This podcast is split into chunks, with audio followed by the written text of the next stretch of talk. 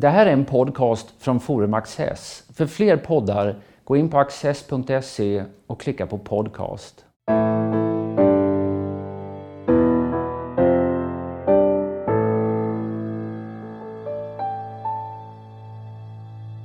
Välkomna till Studio Access. Det är säsongsavslutning idag och som flera gånger tidigare så ägnar vi den åt en genomgång av läget i svensk politik. Och jag gör det tillsammans med, som flera gånger tidigare, professor Tommy Möller, statsvetare vid Stockholms universitet. Varmt välkommen Tack så mycket. Tommy. Om vi ställer den stora frågan, så att säga, hur står det till i svensk politik hösten 2016? Eh, det är lite motsägelsefullt för att vi har å ena sidan haft en ganska dramatisk händelseutveckling eh, sett sedan förra valet och under det senaste året. Samtidigt som det är en påfallande opinionsmässig stabilitet om vi ser till partisympatierna. Så till den delen så har det ju varit eh, oerhört händelselöst. Så att säga. Det har rört sig väldigt lite opinionsmässigt. Vad, vad, vad beror det på? Ja, det är det är väl förmodligen en ganska stor osäkerhet bland, bland väljarna. Eh, och eh, partierna håller på och manövrerar för att försöka hitta nya positioner, hitta svar på de utmaningar som finns, inte minst när det gäller att tolka den ganska dramatiska eh, opinionsutvecklingen om vi ser till världen i stort, som också gäller oss naturligtvis. Alltså jag tänker på den mycket omfattande anti-establishment eh, rörelse vi har sett eh, även i vårt land, men som, har blivit, som vi har känt till länge eh, men inte riktigt förmått att se den fulla kraften i. Vi har ju sett den då i Storbritannien för ett par månader sedan och nu senast i USA och även i Tyskland i samband med delstatsvalet. Så att, och vi vet att det är samma typ av, av opinionsrörelse även här och partierna försöker, lite famlande kanske, men att manövrera i den nya politiska terrängen. En hypotes skulle kunna vara att eh, ja, tittar man på siffror och undersökningar så är ju pessimismen ganska utbredd bland eh, väljarna. Och förtroendet för partiledarna är väldigt lågt. Eh, den, om man gör ett sånt här balanstal, att man tar de som är positiva och sen drar bort de som är negativa, då är den enda som hamnar på noll är, är Anna Kinberg Batra i Moderaterna. Alla andra ligger på minus och en del har tappat väldigt mycket. Så, ja, hypotesen skulle då vara ungefär att eh, många väljare är i och för sig eh, lite missnöjda med politiken som den förs och eh, har inte riktigt, eh, ja, känner inte stöd för det de har röstat på. Men det är inte så mycket annat som lockar heller. Alltså, det är en väldigt en passivitet och stiltje. Eh, ja, tittar vi på just eh, partiledarna och personförtroendet så så är det intressant de siffror du nämner. Eh, en del hävdar ju då, kanske lite elakt, att vi aldrig haft svagare partiledare nu totalt sett. Eh, man pekar på det faktum att de är visserligen väldigt professionella i den meningen att de är medietränade. Eh, och det är väl på gott och ont kan man väl säga. Att de kanske ibland är bra på krishantering när sådana uppstår. Men i samband med till exempel partiledardebatter och utfrågningar i medierna så håller man sig krampaktigt fast i sina väl inövade talepunkter, vilket ofta ger ett ganska märkligt intryck för den som lyssnar, oavsett om man är politiskt intresserad eller inte. Det blir lite eh, goddag yxskaft karaktär över den typen av samtal. Och det tycker jag är lite problematiskt. Eh, så att jag tror att eh, medieträningen skulle göras om eller kanske till och med förändras eller tas bort helt och hållet. De har en väldigt bra defensiv. Man lämnar få blottor, men man gör inte så många mål heller. Det är sant. Samtidigt ska man ju då vara lite generös och försöka förstå varför det blir så. Det är klart att partierna har ju, och partiledarna följaktligen har ju, har ju eh, målkonflikter och de har interna opinioner som man måste förhålla sig till som drar åt lite olika håll i olika frågor och så. För att ta ett väldigt tydligt exempel när det gäller Moderaterna och hur man ska förhålla sig till, till Sverigedemokraterna kontra eh, andra alternativ som finns. Det är en väldigt svår fråga för partiledningen att hantera. Och då, då, för att hålla ihop partiet så måste man uttrycka sig lite kryptiskt och svårtytt ibland. Om man säger så här att, att eh, huvudkonflikten i svensk politik eh, är fortfarande konflikten mellan vänster och höger, eh, mellan alliansblocket och regeringen och regeringens stödparti Vänsterpartiet. Men om du tittar på regering mot allians, vad är de egentligen oense om idag? De bråkar om allt så att säga, men var finns det egentligen en, en betydelsebärande konflikt? Alltså, det är intressant att se hur man försöker att hitta konflikter hela tiden. Där det inte egentligen borde finnas konflikter eller där det inte alls finns konflikter. Nu finns det några undantag och det gäller till exempel vinstfrågan när det gäller välfärdsföretagen. Där, och där gör väl partierna vad de kan för att eh, inte bli överens, så att säga. För att man har på varsitt håll starka strategiska skäl att hålla den här frågan vid liv inför nästa valrörelse. Eh, man tror att man kan tjäna på det, tror jag, eh, var, var en för sig. Och det är en typisk vänster-höger-fråga. Men är det din bedömning? För, för jag, jag, jag, tycker nog man kan säga att det är mera krut i vänsterpartierna i denna frågan än vad det är i allians... Alltså att kritiken av jo, det är det välfärdsföretagen är starkare än, än de borgerligas försvar av dem. Jo, så, jo, på det sättet har du ju rätt att det har skett en, en, en eh, förskjutning av debattfokus, ganska tydligt förskjutning av debattfokus. Eh, och, och, opinionen har ju blivit mer negativ till, till att man tjänar pengar på välfärd och på skolor. Så är det. Och, och det är ju framförallt vänsterpartierna, Socialdemokraterna och Vänsterpartiet som har ett starkt intresse av att Eh, blåsa liv i den här konflikten. Det kan man säga. Här upplever man att man har en, en, en hemmaplansfråga i väldigt hög utsträckning. Samtidigt så har ju allianspartierna starkt, eh, starka ideologiska eh, argument för att inte gå Socialdemokraterna till mötes i den här frågan. Ja, de har ideologiska argument men de verkar också försiktiga visavi eh, en upplevd opinion. Ja, jo, men det är en politiskt svårhanterad fråga eftersom opinionen har kantrat lite grann där. Och, och för de borgerliga handlar det naturligtvis om att göra frågan om eh, att få frågan att handla om kvalitet och om valfrihet. Eh, och att man där försöker tona ner frågan om, om det här med vinster och förklara istället för att förklara hur, hur, eh, utifrån deras utgångspunkter hur rimligt det är att företag som investerar pengar ska kunna få en avkastning på sitt kapital och så. Så där är man ju påfallande defensiva kan man säga, att man, att man inte står upp för, för en marknadsliberal politik. Ehm, men det, det är en eh, svår fråga. Ehm, regeringens budget eh, antas Eh, och eh, det blev ingen gemensam eh, alliansbudget. Är det symptomatiskt för hur Alliansen har valt att agera i riksdagen? Ja, man har ju bestämt sig tidigt för att under den här perioden försöka utveckla sina egna politiska program så mycket som möjligt.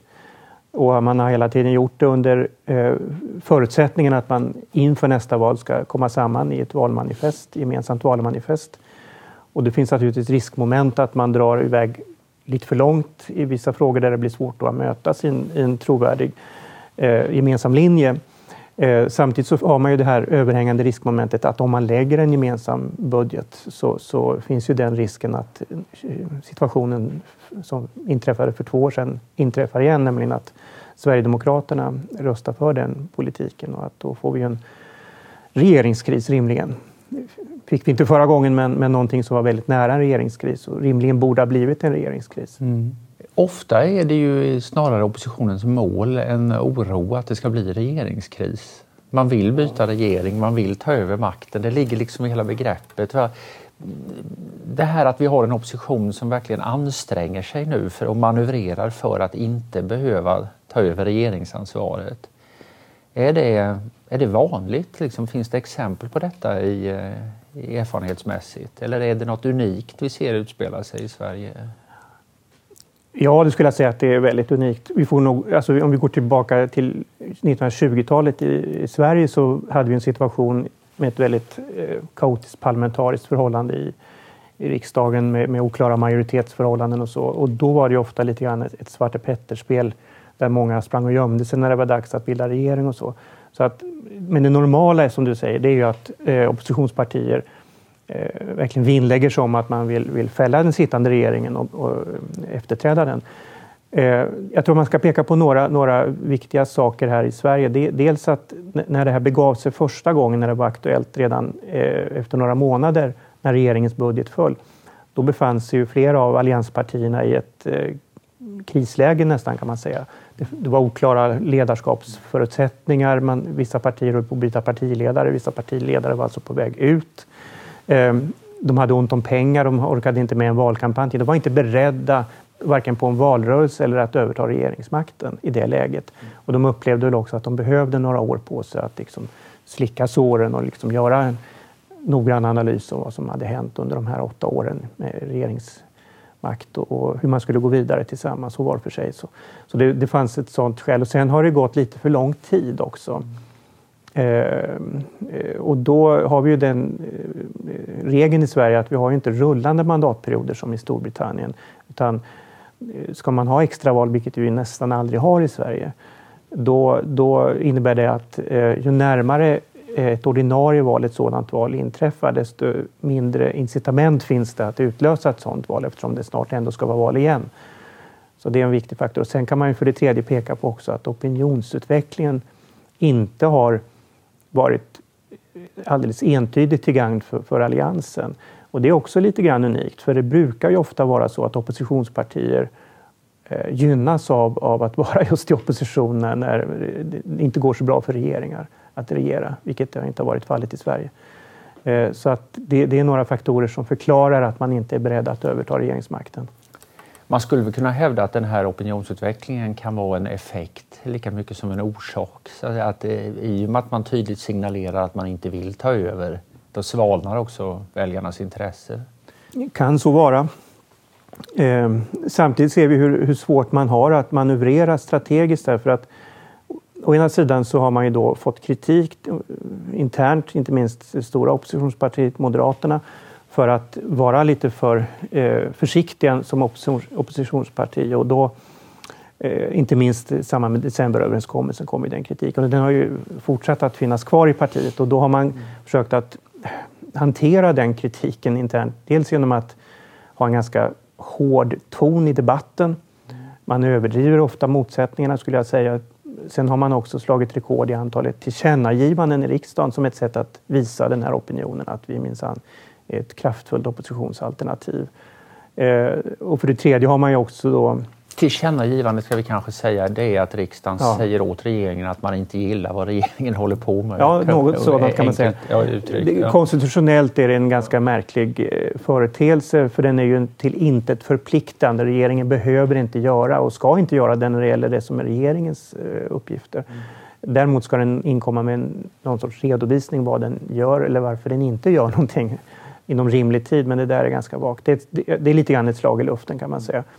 KU-anmälningarna tycker jag har, har missbrukats. Man har anmält statsråd hit och dit på, tycker jag, ganska oklara grunder rent konstitutionellt.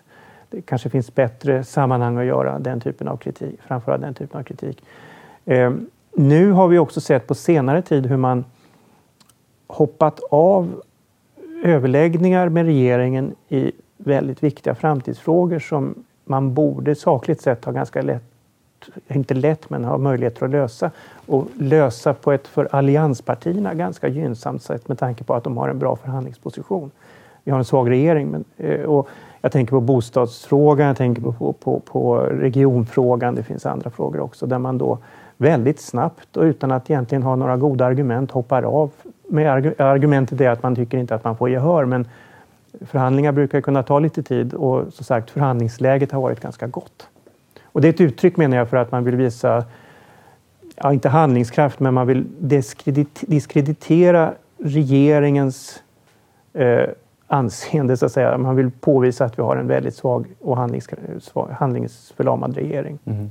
Fast kontentan av detta blir att man avstår från att utöva den, det inflytande, den makt man trots allt kan ha eh, i konkreta sakfrågor. Och sen avstår man från att lägga en gemensam budget. Så vad man får är att man får inget i sakpolitiken men man får acceptera regeringens skattehöjningar och utgiftsökningar i, i den ekonomiska politiken. Mm. Och, och, det finns en logik så att säga här. Jag, du, du redogör ju väl för den men jag, jag kan inte låta bli att tänka på att det, här, det präglas väldigt mycket av ett inifrån synsätt. Det här är logiskt ur partiernas synvinkel. Men kommer väljarna att uppfatta det på det sättet? De har ett helt annat eh, De är inte så intresserade av det enskilda partiets eh, väl och ve, så att säga, som utav vilken politik som förs.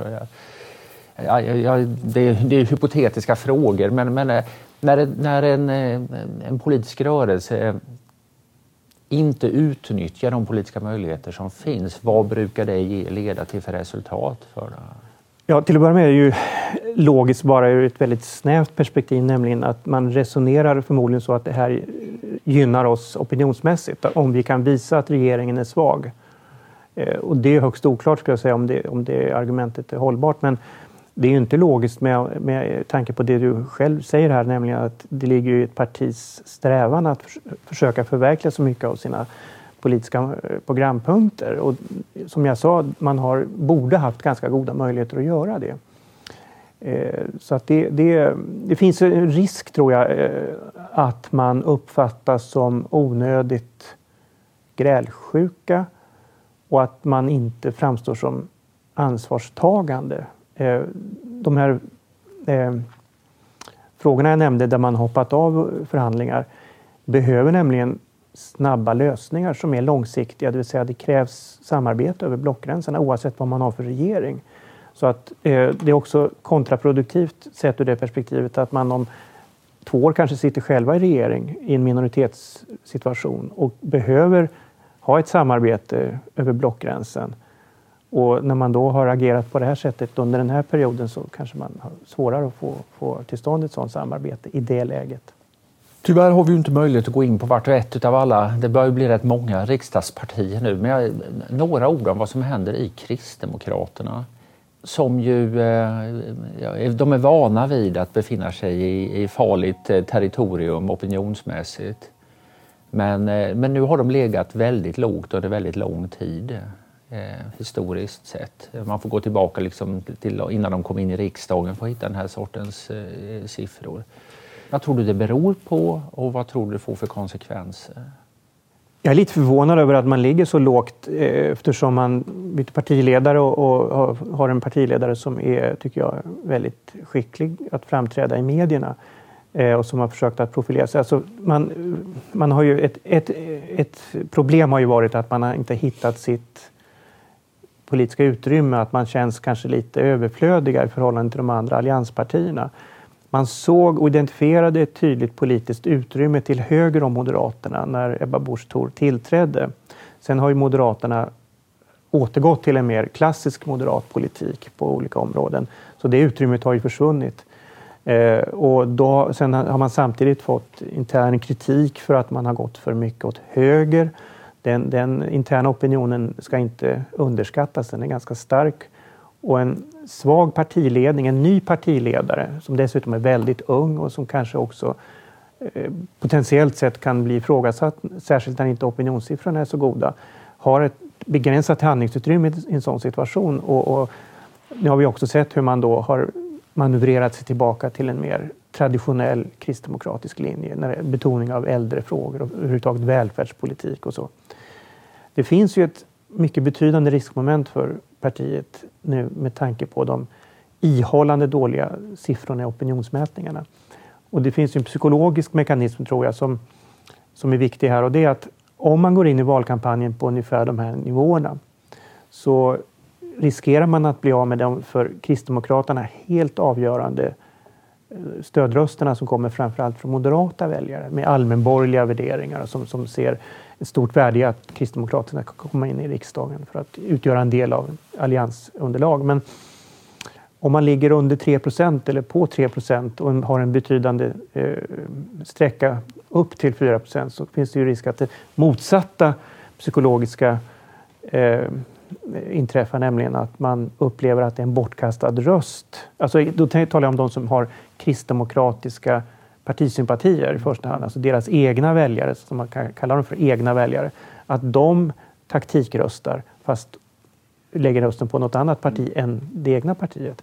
Den mekanismen hade vi före, alltså eh, om vi går tillbaka 70-talet och 80-talet så hade ju de borgerliga eh, en, en kampanj inför valet, Kasta inte bort din röst, som riktade sig just till de, de kristna väljarna som då mm. skulle uppmanas att, att, tänka igenom en gång till. Var, var, ligger, var ger din röst mest nytta när det gäller regeringsfrågan?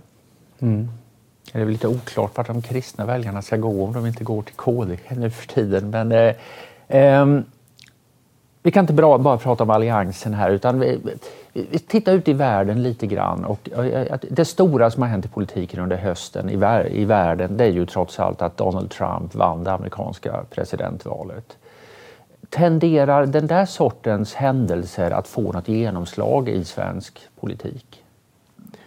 Absolut, fast hur? Det är ju en svårare Nej. fråga. Ja. Men, men eh, låt oss eh, fundera kring den frågan. För att, eh, vi kan ju se att, att eh, till, även Obamas val för åtta år sedan fick betydande konsekvenser för hur partierna eh, tänkte kring sin verksamhet, hur man började jobba med sociala medier och så.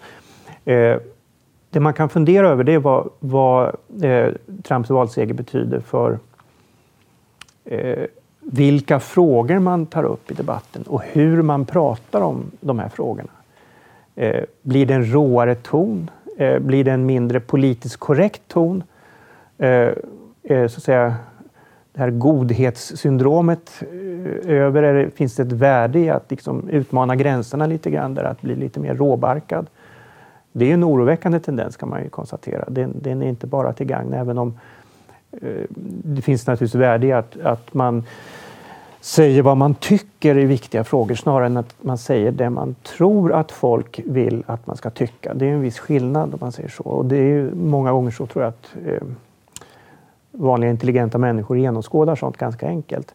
Så det, det, kan bli en förändring av själva tonen och inriktningen på debatten. En tänkbar reaktion är ju annars att man ryggar tillbaka i viss förfäran och säger så här vill vi inte ha det hos oss. Nu måste vi, eh, den här utvecklingen finns men nu eh, mm nu eh, sansar vi oss. det har ju funnits vissa sådana här, eh, Moderaterna brände ju fingrarna i, eh, i eh, tonlägesfrågan här tidigare.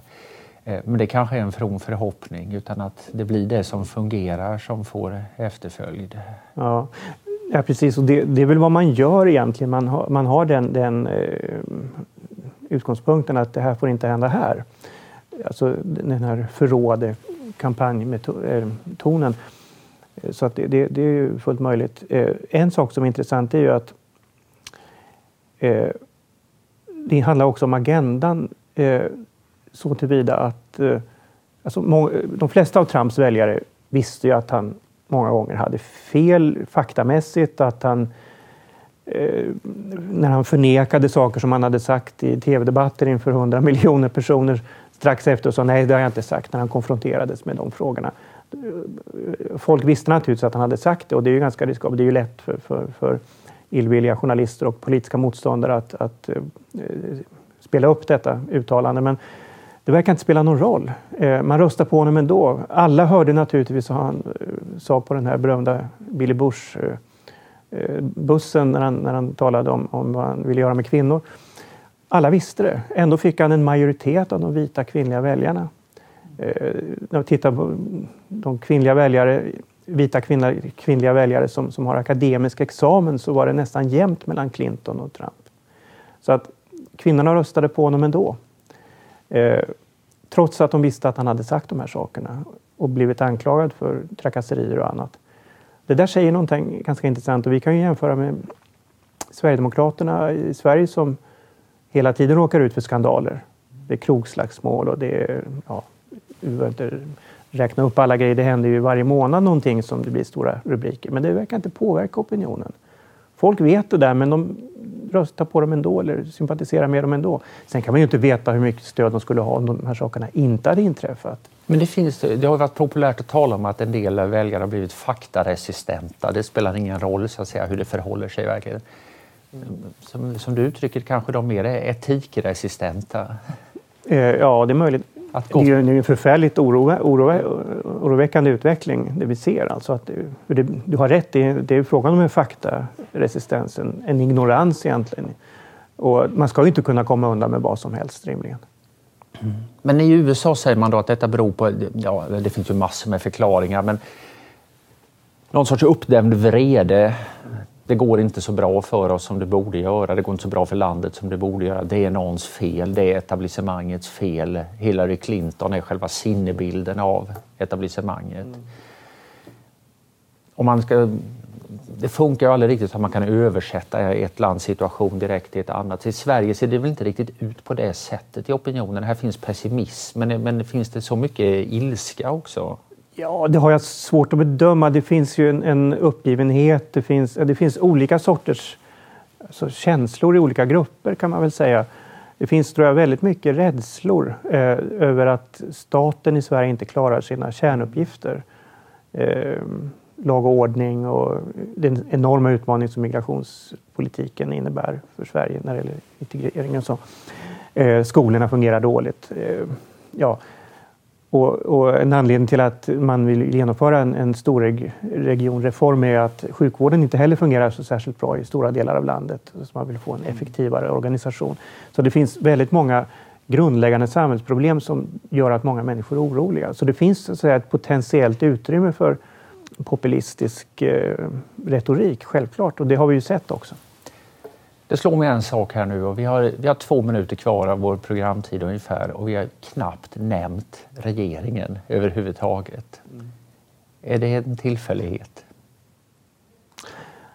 Jag förstår ungefär hur du tänker, men utveckla ditt argument. Nej, men jag, det, jag bara slogs av tanken att det normalt är det man talar om hela tiden och det kunde vi ju ha gjort. Men, men vårt samtal har tagit helt andra vägar och det är, mm. eh, är det så att eh, eller säg så här, vad gör regeringen idag som, man, som den vill gå till val på 2018? Som verkligen sätter ett avtryck och som, eh, som ska vara motivet för att välja om den? Jag tror inte man eh, försöker vinna valet på regeringsduglighet. Och det, har ju, och det, det är ju inte ironiskt sagt, utan det är ju fakt, faktum är att den frågan har ju varit helt central egentligen kampen om regeringsmakten och vilket alternativ som är bäst på att styra Sverige. Den frågan är ju den, alltid den överordnade i varje valkampanj. Och de restriktioner som finns i det avseendet, eftersom det inte går så särskilt bra för regeringen, den är, den är ju väldigt svag, eh, de är betydande på två sätt. Dels med tanke på den här eh, anti-etablissemangsstämningen eh, som råder så är det, det kanske är lite tvegat det här att liksom tävla om vem som är bäst på att vara elit, så att säga. Mm. Men dels också så handlar det väl i så fall om att man från regeringens sida, framförallt Socialdemokraternas sida, försöker påtala bristen på alternativ.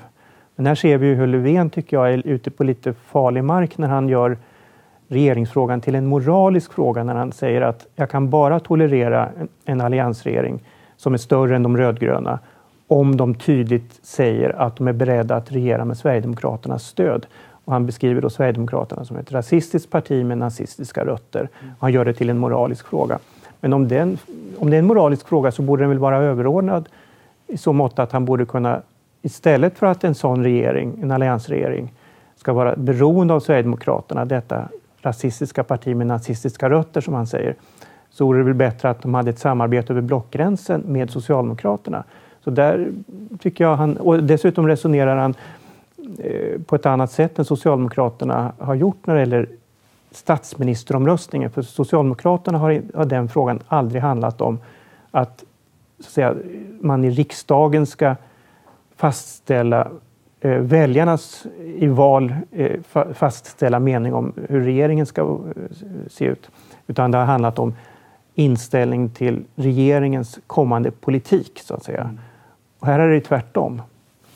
Ja, och det tycker jag man ser i väldigt mycket av diskussionen idag hur innehållet i politiken tenderar att spela mindre och mindre roll och spelet som det heter blir allt, allt viktigare. Ja, vad valrörelsen 2018 eh, eh, kommer att handla om det får vi säkert tillfälle att, att diskutera i senare program. Stort tack Tom Möller för att du har varit med. Tack. Och tack för att ni har tittat.